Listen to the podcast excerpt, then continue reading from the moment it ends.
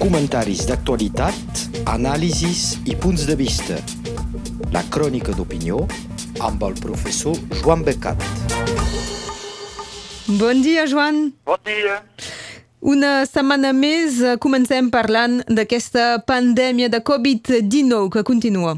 Sí, desconfinament és la paraula a la moda, però la pandèmia continua a tot el món i especialment a Europa i als Estats Units, que hauran estat finalment les grans regions més castigades. Hi ha sempre moltes contagions i moltes defuncions.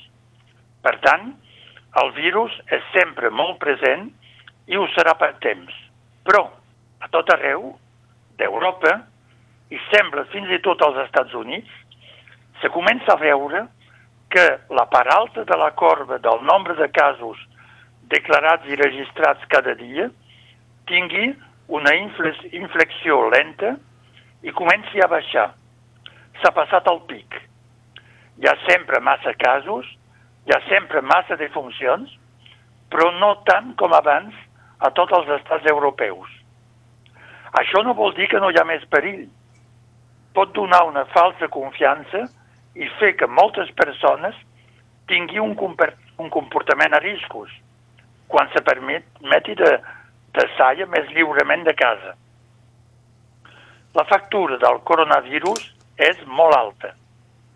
Són 70.000 morts als Estats Units, s'apropen als 30.000 a Itàlia i al Regne Unit, han passat als 25.000 a Espanya i a França. Això ha permès a Pedro Sánchez de dir, com si fos una victòria, al tonto, que França havia superat Espanya en víctimes, com si hi havia una competició. Tot i la xifra enorme, és veritat, car a França no és veritat, més ben dit, car a França se compten totes les defuncions des de fa un mes i a Espanya no. Són estadístiques parcials, com ho vaig explicar la setmana passada. Ara que s'ha frenat la propagació i que ja sempre, recordem-ho, hi ha les condicions per un desconfinament que ara els hospitals podran absorbir els nous casos de contagiats en situació preocupant, que continuaran i, veieu, tornaran a créixer. En efecte, les poblacions confinades són a llavors les més exposades a la contagió, perquè tenen poques persones contaminades i molta gent receptiva. Doncs, per què s'ha confinat arreu? Sabeu que és per poder frenar la contagió i cuidar els que són malalts greus i no abandonar-los, i així limitar tant com se pot les defuncions. No és per aturar del tot la propagació, és per frenar-la. Quan se desconfinarà, la progressió, doncs, se reprendrà. S'espera aquest increment, s'espera també se podrà limitar i controlar. El confinament és una protecció momentània de tothom, col·lectiva, per coacció, per pèrdua de la llibertat de moviments. Amb el desconfinament se passa a la necessitat d'una protecció sota responsabilitat personal, individual, amb la necessitat acceptada per cadascú de respectar les normes de protecció. Si hi ha massa gent que se salten aquestes normes, la contaminació creixerà. Si la respectem, serà moderada. A quin estem? I precisament del desconfinament en parlem perquè Europa a poc a poc se va desconfinant. Sí, és a l'ordre del dia, a molts estats. A Espanya ja fa 15 dies. A França serà d'aquí poc. I sabem com serà. A Espanya ja s'ha desconfinat i torna a créixer el nombre d'hospitalitzats i de defuncions. Al tanto. A Suècia no s'ha pas confinat la gent. Tot ha quedat llibre tot el temps, tot i que tenen casos com altres països. S'ha deixat estendre la contagió i s'ha fet l'aposta del respecte individual de les normes de protecció per limitar aquesta propagació. Sembla que els hi hagi seguit bé. Però, com que la capital, Estocolm, i la regió est són més tocades, les autoritats locals de la zona oest i els científics demanen que aquesta zona sigui posada en confinament obligatori, com s'ha fet a França. Com veieu, les posicions diverses i les polèmiques hi són a tot arreu, i no únicament a França. Sempre se veuen diferències entre França i Espanya. Pedro Sánchez ha rebutjat les propostes de Catalunya, és tothom al mateix temps igual arreu, amb les mateixes mesures, quan les situacions són diverses.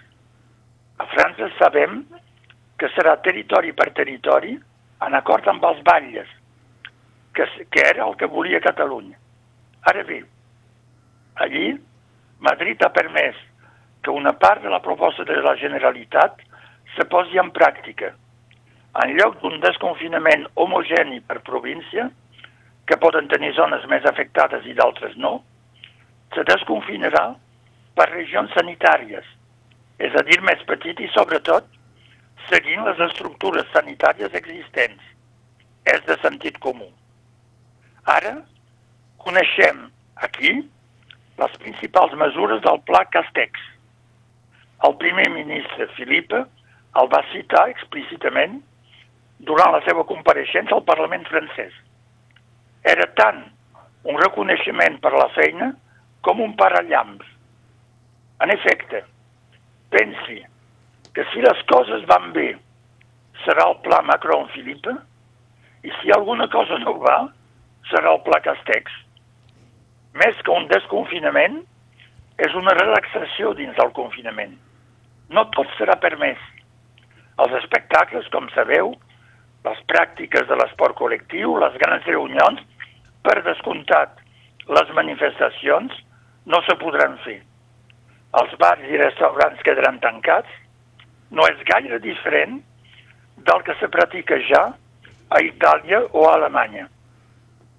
El que més m'ha interessat dins d'aquest pla i que he trobat encertat és que si és l'Estat qui fixa les normes generals i les etapes, no és ell qui les posarà en pràctica, sinó que se decidirà del ritme i de com es fa a les institucions i elegits de més a prop de la gent, els departaments i els batlles.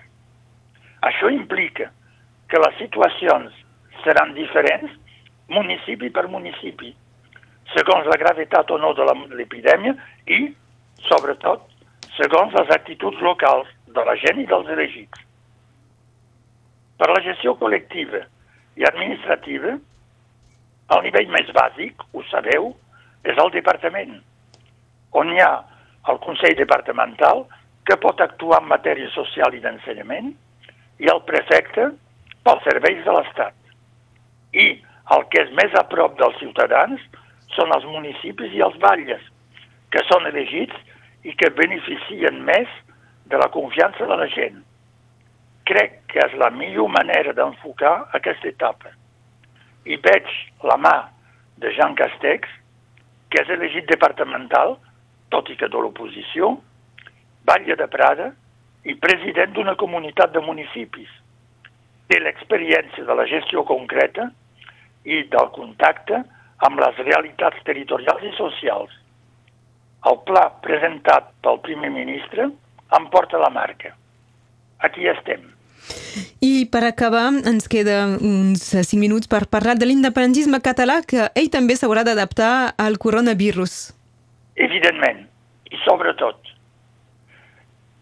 si vosaltres heu assistit a la gran manifestació de Perpinyà del 29 de febrer, o si heu anat a la manifestació darrere de l'11 de setembre o alguna altra concentració a Barcelona, heu fet molt bé, car no crec que ho podreu fer aviat, ni comptant amb mesos o trimestres. El coronavirus ens ha canviat la vida més que us penseu. Hi ha coses que no seran més possibles a mig termini. Entre altres, anar a manifestacions amb quatre persones per metre quadrat. Si hi heu participat, us faran records de l'estil dels antics combatents. Sabeu? Jo hi era, i eren molts. Deixant de banda la nostàlgia, aquesta remarca mostra de manera evident que l'independentisme català s'haurà d'adaptar a la nova situació creada pel coronavirus. En efecte, la seva força venia de tres bases. Primer, la mobilització massiva de la gent. Aquesta serà afectada. Segon, les entitats cíviques independentistes i les xarxes d'internet que han teixit. Podrà continuar, però com que servien per mobilitzar la gent, hauran de canviar d'objectiu.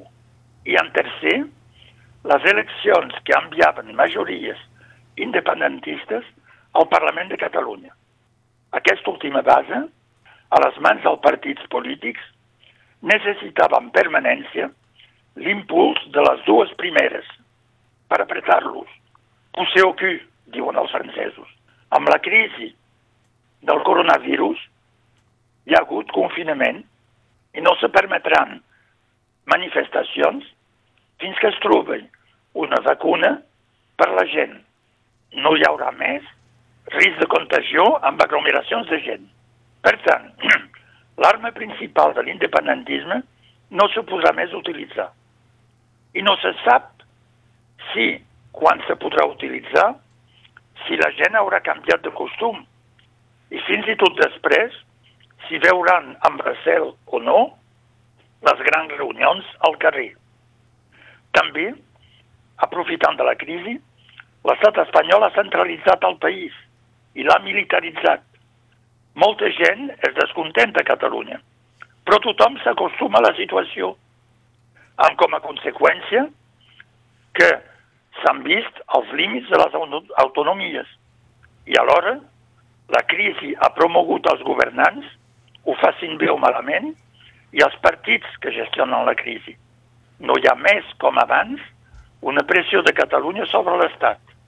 Abans la crisi, era Catalunya qui marcava el temps polític a Espanya. Ara és Madrid i continuarà sent Madrid. Tot i el desconfinament, els equilibris no canviaran gaire. I Pedro Sánchez pot pensar que el coronavirus ha matat també l'independentisme. L'adaptació de l'independentisme català, durant i sobretot després de la crisi, passarà per reinventar-se, crear noves formes de manifestació i de pressió, nous processos, nous camins.